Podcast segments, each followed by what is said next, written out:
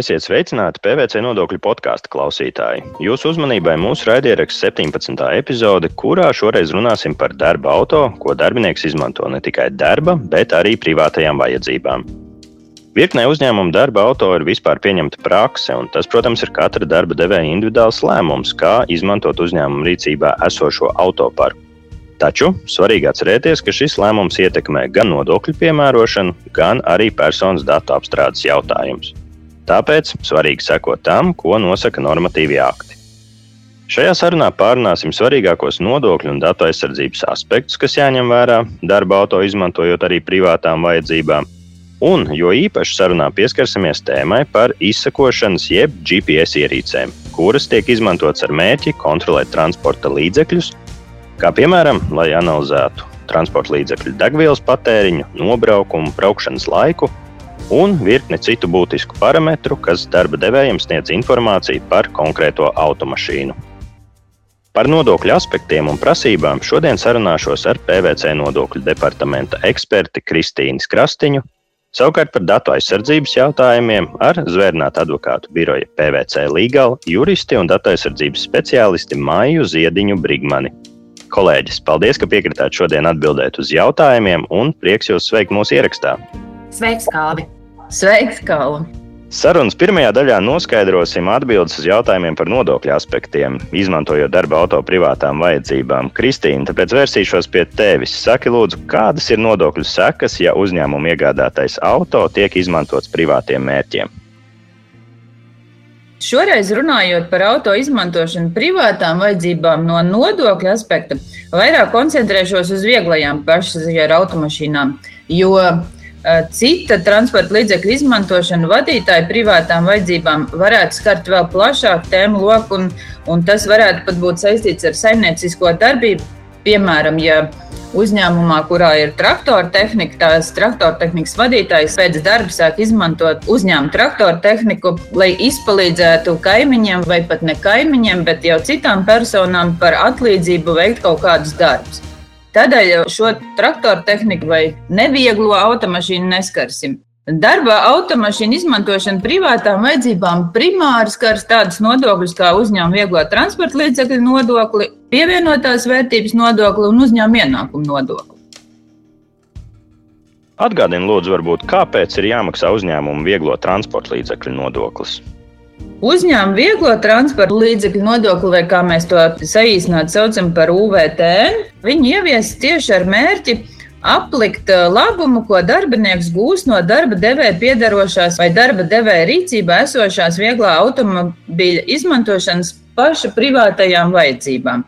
Tātad tā doma bija tieši aplikt privāto patēriņu. Un līdz ar to tas uh, nodokļu aplikšana salīdzinoši vienkārši, jo ar UVTN apliek visu komersantu īpašumā vai turējumā esošo vieglo transporta līdzekļu parku, ja vien komersants nevar pierādīt, ka konkrēto transporta līdzekli izmanto tikai un vienīgi komersanta saimnieciskās darbības nodrošināšanai.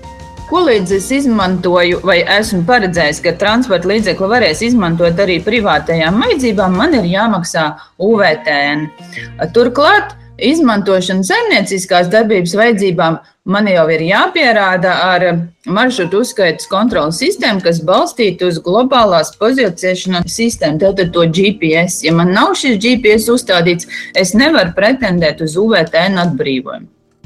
Ir arī atsevišķi izņēmumi, ka UVTN ir atbrīvojums ir paredzēts operatīviem transporta līdzekļiem, demonstrācijas transporta līdzekļiem vai transporta līdzekļiem, kurus izmanto transporta pakalpojumu sniegšanai. Bet šeit arī ierobežojumi jāņem vērā. Ir diezgan stingri noteikts, ka, kas tad ir jādara, lai šo transporta līdzekli šim mērķim izmantotu. Operatīviem transporta līdzekļiem ir pat atsevišķi ministra kabineta noteikumi.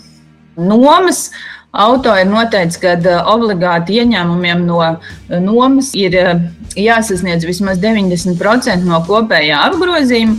Tā kā šeit arī tās iespējas izmantot transporta līdzekli privātām vajadzībām ir diezgan ierobežotas. Visus šos izņēmumu gadījumus kas tad ir šie speciālie transporta līdzekļi, viņus arī kā tādus ir jāreģistrē CSDD. Kā automašīnas izmantošana privātām vajadzībām ietekmē pievienotās vērtības nodokļu piemērošanu?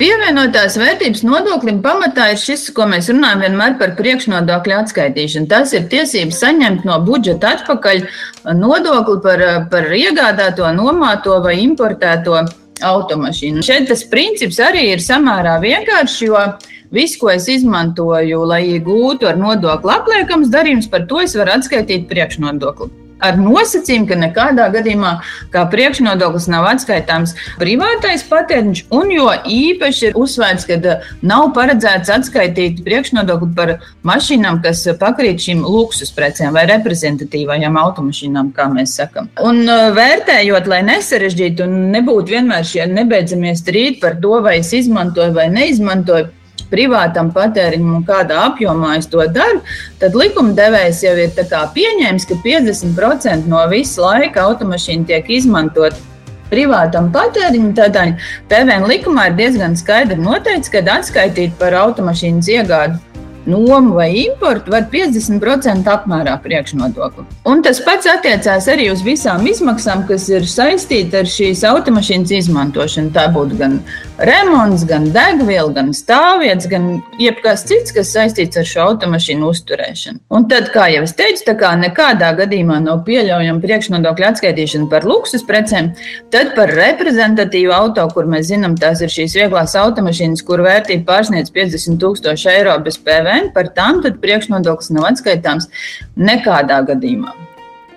Vai vienmēr par vieglās automašīnas iegādi varēs atskaitīt tikai 50% PVN? PVN likums pieļauj atkāpes, kad priekšnodokli par auto eh, iegādi ar tā skaitā reprezentatīvo auto iegādi, importu vai nomu var atskaitīt bez šīs 50% ierobežojuma. Un tas ir tajos gadījumos, kad automašīna paredzēts izmantot pasažieru vai preču pārvadājumiem par atlīdzību. Arī pasažieru pārvadājumiem, taksometru pārvadājumiem, automašīnu nomas pakalpojumu sniegšanai, automašīnu tirdzniecībai, arī auto prasmes apguvēji vai apsardzes pakalpojumu sniegšanai. Auto izmantošana iepriekš minētajiem mērķiem ir noteikti jāpamato. Un pēc būtības ar atsevišķiem izņēmumiem iespējams tai vajadzētu izslēgt šo automašīnu izmantošanu privātajiem mērķiem. Respektīvi, nebūtu pieļaujams, ka šos auto izmanto arī, lai šo transporta līdzekļu vadītāji brauktu uz mājām no darba un atpakaļ, vai arī izmantotu šīs automašīnas atpūtas braucieniem. Tas tad nostādītu šo nozari tādā privileģētākā stāvoklī pret citām. Un tad šajā gadījumā, ja tomēr šāds privāts patēriņš tiek pieļauts, tad šī automašīna izmantošana privātajiem mērķiem būtu vai nu jāapliek, vai arī kaut kādā daļā būtu jāveic atskaitītā priekšnodokļu korekcijas. Priekšnodokļu atskaitīšanas ierobežojumi 50% apmērā nepastāv arī tām automašīnām, kas ir operatīvais transporta līdzeklis, kas ir šie dēmo auto, tāpat kā UVTN, vai arī automašīna tiek izmantota ar nodokli apliekamo darījumu nodrošināšanai. Kā pierādīt, ka auto izmantot saimnieciskajā darbībā? Tas, kādā apmērā auto izmanto saimnieciskā darbībā, jāpierāda veicot saimnieciskās darbības braucienu uzskaiti, izmantojot iekārtu, kas uztver globālās pozicionēšanas sistēmas satelītu signālu, šo GPS, ko mēs saucam. Ja uzņēmums saimniecisko braucienu uzskaita kārto izmantojot GPS, tad tas var atskaitīt priekšnodokli par auto iegādi vai nomu vai importu, tādā apmērā, kādā auto izmanto tikai braucieniem, kas saistīti ar saimniecisko darbību. Un, kā jau minēju, privātie braucieni tad būtu jāpliek ar pievienotās vērtības nodokli. Vēlos te jautāt arī par uzņēmumu ienākuma nodokli. Vai privātais patēriņš ietekmē maksājumu UIN?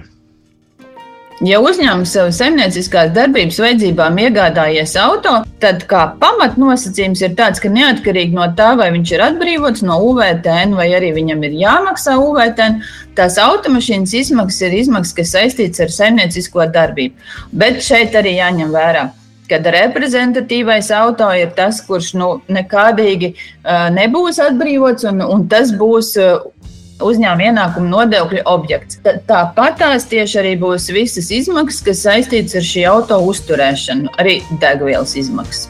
Izmaksas tātad vērtējums būs kā tāds, kas jāpliek ar uzņēmuma ienākuma nodokli. Ir atsevišķi izņēmumi. Reprezentatīva auto UVTN e, nav jāpiemēro tad, ja tas ir operatīvais transporta līdzeklis, speciālais vieglais transporta līdzeklis, atkal šie dēma auto vai arī tas iegādāts tikai eh, nomas pakalpojumu sniegšanai. Bet arī šeit ir atkal tas ierobežojums, ka tad šim uzņēmumam ir jābūt tādam, kur pamatdarbība ir nomas pakalpojumu sniegšana, un nomas pakalpojumu ieņēmumiem ir jābūt ne mazākiem kā 90% no apgrozījuma. Kā patērētā degviela iespaido maksājumos nodokļus? Ar degvielu ir ļoti līdzīgi kā ar pašu auto. Ja par auto ir kādi ierobežojumi attiecībā uz priekšnodokli, piemēram, uz pievienotās vērtības nodokli, ja nevar kaut ko atskaitīt, tad tieši tāds pats ierobežojums attiecās arī uz degvielu. Un tas pats arī par uzņēmumu ienākumu nodokli. Ja auto izmaksas ir ienākuma nodokļa objekts, tad, tad tāds būs arī degvielas izmaksas. Kā jau es minēju, tas attiecās gan uz degvielu, gan uz to transporta līdzekli pašu. Tad, jo vairāk kaut kādas priekšrocības mēs gribam gūt, vai kaut kādas eh, nodokļu atvieglojumus izmantot, jo detalizētāk maršrutu uzskaita ir jāveic. Kā jau no visas manas teiktā var saprast, ka visi šie ierobežojumi ir atkarīgi no tā, kāds status man ir šai automašīnai. Vai tā ir tāda, ko es izmantoju tikai saimnieciskā darbībā, vai gan privāti, gan saimnieciskai darbībai, vai arī tai automašīnai ir kaut kāds specifisks status, kurš tad arī nosaka šo automašīnas izmantošanu. Un, kā jau es teicu, viss pamatā ir pierādījumi. Arī, ja ir šis īpašais status, tad izmantošana šim īpašajam statusam ir jābūt gatavam pierādīt, ka viņi tiek izmantot eh, šim statusam un tieši tādā, tādā veidā, kā to nosaka šis status. Arī tā degvielas uzskaitei ir, ir šie ierobežojumi par degvielas patēriņu normām, kur ir šie 20% no nobraukuma, kur var nākties papildus piemaksāt gan, gan uzņēmuma ienākuma nodokli, gan pievienotās vērtības nodokli. Kā jau es teicu, ja maršrutu uzskaita jāveic pamatoties uz GPS datiem, tad arī pamatoties uz šī nobraukuma maršruta, es arī veicu savu degvielas uzskaitu. Visi manis iepriekš minētie nosacījumi un ierobežojumi ir nodokļu vajadzībām. Tas, protams, neizslēdz, ka uzņēmums, uzņēmuma vadība vai, vai grāmatvedības vai vadības grāmatvedības mērķiem ievieš kaut kādus ierobežojumus, kurus nenosaka nodokļu likumi, bet tā tad ir uzņēmuma lēmums, un viņš tad arī izvēlās, vai viņš prasa kārtot šim vadītājam kādu detalizētu uzskaitu, vai tās būs maršrutu lapas vai, vai nobraukuma žurnālu vai kā tam līdzīgi, ko nu katrs uzņēmums būs izdomājis. Bet kā minimums, tātad, ja es ne, necenšos baudīt kādu īpašu statusu, tad man ir kā minimums ir jābūt šim maršrutu uzskaitu žurnālam, kurā parādās odometra rādītāji mēneša sākumā un mēneša beigās. Tātad, lai es kontrolētu vispār, cik man ir šis degvielas patēriņš mēnesī. Paldies, Kristīne, par izsmeļošajām atbildēm. Tu jau vairāk kārt eh, pieskāries GPS datiem, un tāpēc šobrīd mūsu sarunā piedāvāja pāriet pie juridiskajām prasībām attiecībā uz fizisko personu datu apstrādi. Tāpēc vērsīšos pie mājas un jautāšu, kā veicās uzņēmumiem ar datu aizsardzības prasību ieviešanu. Jā, nu jāsaka, tāds vienots datu aizsardzības regulējums Eiropas Savienībā nu jau ir spēkā vairākus gadus, vairāk kā četrus gadus. Tāpēc nu, jācer, ka uzņēmumiem labi veicas ar šo prasību ieviešanu. Bet, ja nopietni, tad praksē mēs varam novērot, ka cilvēki arvien vairāk apzinās savu datu vērtību un ne tikai datu, arī savas tiesības. Tāpēc arvien aktīvāk ir šī komunikācija starp datu subjektu, kā fizisku personu un pārzini kā darba devēju vai pārzini kā pakalpojumu sniedzēju. Tāpēc es teiktu, ka šis ir ļoti labs un piemērots brīdis, lai sakārtotu savus iekšējos procesus, kas varbūt ir bijuši piemirsti vai līdz galam nav bijuši sakārtot, jo īpaši runājot par šo datu aizsardzību. Par kādiem personas datiem mēs vispār runājam GPS datu kontekstā? Tur taču ir tikai lokācijas dati, iespējams, automašīnas reģistrācijas numurs, kaut kāds stundu skaits, faktiski tikai cipari. Tiešām šādi dati var būt personas dati. Jā, no ar personas datiem noteikti nevajadzētu saprast tikai šoferu vārdu, uzvārdu vai personas kodu. Šajā gadījumā arī GPS eh, izsekošanas dati ir personas dati, tāpēc, ja darba devēja rīcībā ir šie personas dati, tad eh, uzņēmumam attiecīgi rodas pienākums ievērot šo te vispārīgās datu aizsardzības regulas prasības. Teiksim, piemērs taksometri. Uzņēmums ir ieviesis šo GPS sistēmu. Mērķis nav novērot taksometru vadītāju darbu. Mērķis ir, piemēram, taupīt degvielu vai nodrošināt kvalitatīvāku pakalpojumu sniegšanu. Taču mēs redzam, ka šī GPS sistēma ļauj novērot gan šoferu darbu, gan pārbaudīt, vai viņi ievēro ātrumu, vai izvēlas atbilstošus maršrutus, vai sēž pie stūres, vai atpūšas un kur atrodas. Rezultātā šī informācija, ko apstrādā darba devējs, ietekmē taksometra vadītāju privātumu, tāpēc automātiski uz šo datu apstrādi attiecas arī vispārīgās datu aizsardzības regulas prasības. Tāpēc es teiktu, tā, ja automašīnai ir uzstādīta šī GPS ierīce, arī tajā skaitā tahogrāfi, kur arī automātiski notiek šī datu apstrāde, tad uzņēmumam ir jāievēro šīs regulas prasības.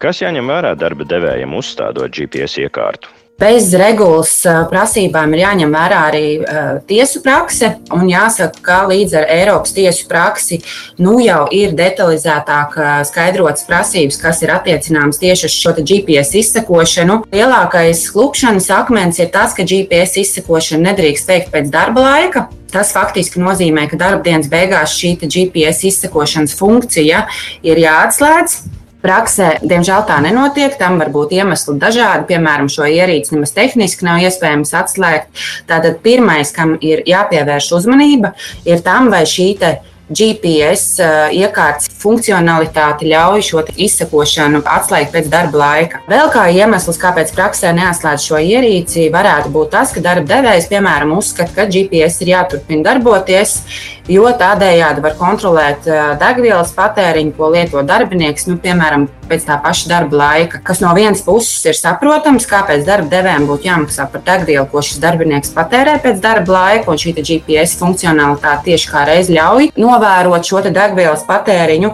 No otras puses ir jāsaprot, ka šī GPS izsakošana tiešā veidā skar darbinieka privātumu, un darba devējam nebūtu jāzina, uz kuru vietu veikalu vai ārstniecības iestādi darbinieks ir devies un cik ilgi tur ir atradies. Tāpēc otrs, kam būtu jāpievērš uzmanība, ir tas, vai šo mērķi, ko nosaka darba devējs, var sasniegt apstrādājot mazāk personas datus, piemēram, atsakoties no šiem GPS izsekošanas datiem. Piemēram, to pašu degvielas patēriņu var kontrolēt citos veidos, piemēram, automatizēt, uzskaitīt nobraukto distanci, un tādējādi nevajadzētu uzskaitīt ziņas par mašīnas atrašanās vietu. Tāpēc es teiktu, ļoti svarīgi ir noteikt, kādam mērķim datu apstrāde ir nepieciešama un vai visi dati ir nepieciešami šī mērķa sasniegšanai. Iespējams, var un vajag apstrādāt mazāk personas datus, un, ja to iespējams izdarīt, tad noteikti to vajadzētu arī darīt. Kādas šajā gadījumā ir darbinieka tiesības, vai darbinieks var arī nepiekrist GPS izsakošanai?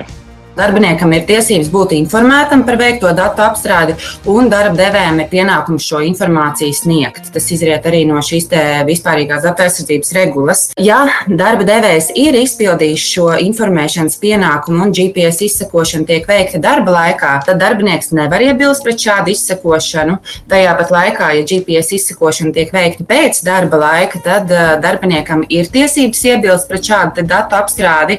Un darba devējs nevar to pamatot ar to, ka tas, piemēram, vajadzīgs, lai kontrolētu degvielas patēriņu vai maršrutu plānošanu, jo pastāv tātad citi veidi, kā sasniegt šo mērķi. Piemēram, tas pats mans pieminētais automatizēt uzskaitīt nobraukto distanci, kur personas dati netiek apstrādāti. Tāpat nebūtu pareizi arī vākt darbinieku piekrišanas, tādējādi pamatojot to, ka redz, darbinieks ir devis savu piekrišanu GPS izsekošanai, un es varu turpināt mierīgi šo izsekošanu arī pēc darba laika. Jāņem vērā, ka darbinieks attiecībās pret darba devēju vienmēr ir vājākā puse. Tādēļ tiek prezumēts, ka piekrišana, ko sniedz darbinieks, nav sniegta brīvprātīgi, un līdz ar to piekrišana nav regulēji atbilstoša, jo, teiksim, darba devējs to ir uzspiedis šim darbiniekam. Kas būtu tie konkrētie pasākumi vai dokumenti, kas būtu jāizstrādā, lai process būtu GDPR prasībām atbilstošs? Jā, no atbilstoša darbinieka informēšana noteikti ir svarīgākais, ar ko sākt. Un šajā gadījumā nederēs teksts, es taču viņam teicu. Tāpēc vēlams visus procesus un lēmumu pieņemšanu attiecībā uz šo datu aizsardzību ir rakstveidā dokumentēt. Tāpat noteikti nevajadzētu būt situācijai, kur priekšnieks iepriekšējā dienā pasaka darbiniekam kaut ko mutiski vai vispār neko nepasaka par to, ka auto ir aprīkots ar šo GPS funkcionalitāti. Praksē mēs redzam, ka sūdzības no darbiniekiem tiek saņemtas arvien vairāk, un tikai tāpēc, ka darba devējs, piemēram, nav sniedzis pietiekamu informāciju vai atsakās to sniegt. Otrs tātad ir jāskatās, vai mērķim, piemēram, šim degvielas patēriņa kontrolē, pastāv tiesisks pamats. Jāsaka, visbiežāk tiesiskais pamats vispār GPS izsekošanai ir darba devēja leģitīmās intereses. Kā viens no tiesiskajiem pamatiem varētu būt arī datu subjektu piekrišana, bet eh, šīs tiesiskais pamats būtu jāatstāj varbūt kā pēdējais, ko izvēlēties, jo pastāv šīs darba tiesiskās attiecības, kur darbinieks ir vājākā puse, un tas apdraud šo brīvprātīgi sniegto piekrišanu. Trešais, jā, tiesiskais pamats tiek noteikts uzņēmuma leģitīmās intereses. Noteikti ir jāveic tāds interešu līdzsvarošanas tests. Šī dokumenta izstrādē parasti tiek piesaistīts datu aizsardzības speciālists, kas veic neatkarīgu izvērtējumu par to, kura intereses darba devēja vai darbinieka ir svarīgākas un vai vispār GPS izsakošana ir pieļaujama. Un visbeidzot, iekšējos uzņēmuma procesos ir vēlams iestrādāt arī šos regulas vispārīgos principus, un tas noteikti nav attiecībā tikai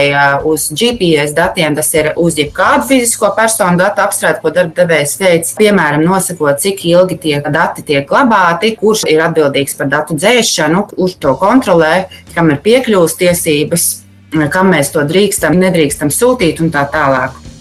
Maija, manuprāt, šis ir arī tāds jautājums par savstarpēju uzticēšanos. Mēs vairāk šobrīd par darba ņēmēju tiesībām, bet kā savukārt darba devējiem cīnīties ar negodprātīgiem darbiniekiem, kas pēc darba laika izmanto šo automašīnu vai tehnikas vienības, lai papildus piepelnītos un izpalīdzētu kādiem draugiem, radiem, paziņām, tādā veidā radot arī nepamatots izdevums darba devējiem. Kā rīkoties šādā situācijā? Jā, nu, diemžēl mēs redzam, ka praksē šādi gadījumi notiek. Kā viens no veidiem, kā sevi varētu pasargāt, ir noteikti eh, aizliegumi izmantot šīs automašīnas pēc darba laika. Ja darbiniekam ļauj izmantot šo automašīnu pēc darba laika, tad ir jāskata šīs iekārtas funkcionalitātes iespējas, lai GPS izsekošanu varētu atslēgt pēc darba laika. Un, ja mēs runājam par darbinieku nodarītajiem zaudējumiem, tad um, Darba devēja aizsargā arī darba likums. Likumā ir noteikts pienākums darbiniekam atlīdzināt tātad zaudējumus, ja darba devējs pierāda, ka darbinieks ir nepienācīgi vai pretiesiski pildījis savus darba pienākumus. Tāpēc nu jā, dienas beigās ir jautājums par to, kādā veidā darba devējs to pierādīs. Tāpēc rakstīt dokumentu vienmēr kalpo par labu darba devējiem, jo īpaši, lai pamatotu, ka, piemēram, darbinieks ir pārkāpis iekšējos procesus vai iekšējos noteikumus. Tu minēji par šiem interešu līdzsvarošanas testiem, par to, ka jānosaka tiesiskie pamati. Tas viss izklausās savā ziņā visai sarežģīti, bet noteikti tas ir vajadzīgi, lai ievērotu šīs prasības. Saki, lūdzu, ar kādām izmaksām un darbu jārēķinās, lai savestu šos procesus kārtībā un lai tie būtu atbilstoši GDPR prasībām. Darba apjoms noteikti katrā gadījumā būs atkarīgs eh, no tā, cik daudz pats uzņēmums jau šobrīd ir paveicis. Es noteikti negribētu teikt, ka lielam uzņēmumam ar pārsimts darbiniekiem būs automātiski lielākas izmaksas nekā uzņēmumam ar pieciem darbiniekiem. Tāpēc eh, šīs izmaksas ir ļoti adekvātas un noteikti izmaksas ir samērīgas attiecībā arī pret eh, nu, lielo naudas sodu, ko var piemērot atvalsts inspekcija gadījumā, ja viņi konstatē šo pārkāpumu, kas ir līdz 4% no gada kopējā grupas apgrozījuma, piemēram, par to, ka eh, datu apstrāde notiek bez tiesiskā pamata. Tāpēc noteikti vajadzētu pievērst uzmanību trīs lietām. Pirmais, vai konkrētajai datu apstrādē pastāv tiesisks datu apstrādes pamats, otrs, vai darbinieks ir informēts par uh, veikto datu apstrādi, un trešais, vai ir izstrādāta nepieciešamā dokumentācija, kas kalpotu darba devējiem par labu, lai pierādītu šo datu apstrādes tiesiskumu. Kristīna un Māja, paldies par sarunu! Šodien par darba auto izmantošanu privātām vajadzībām un ar to saistītajiem nodokļu un personas datu aizsardzības aspektiem sarunājos ar PVC nodokļu departamenta vecāko konsultantu Kristīnu Krastiņu un zvērnāta advokātu biroja PVC līgala juristi un datu aizsardzības speciālisti Māju Ziediņu Brigmani. Mans vārds ir Kalvis Gavars. Paldies, ka klausījāties un visu labu!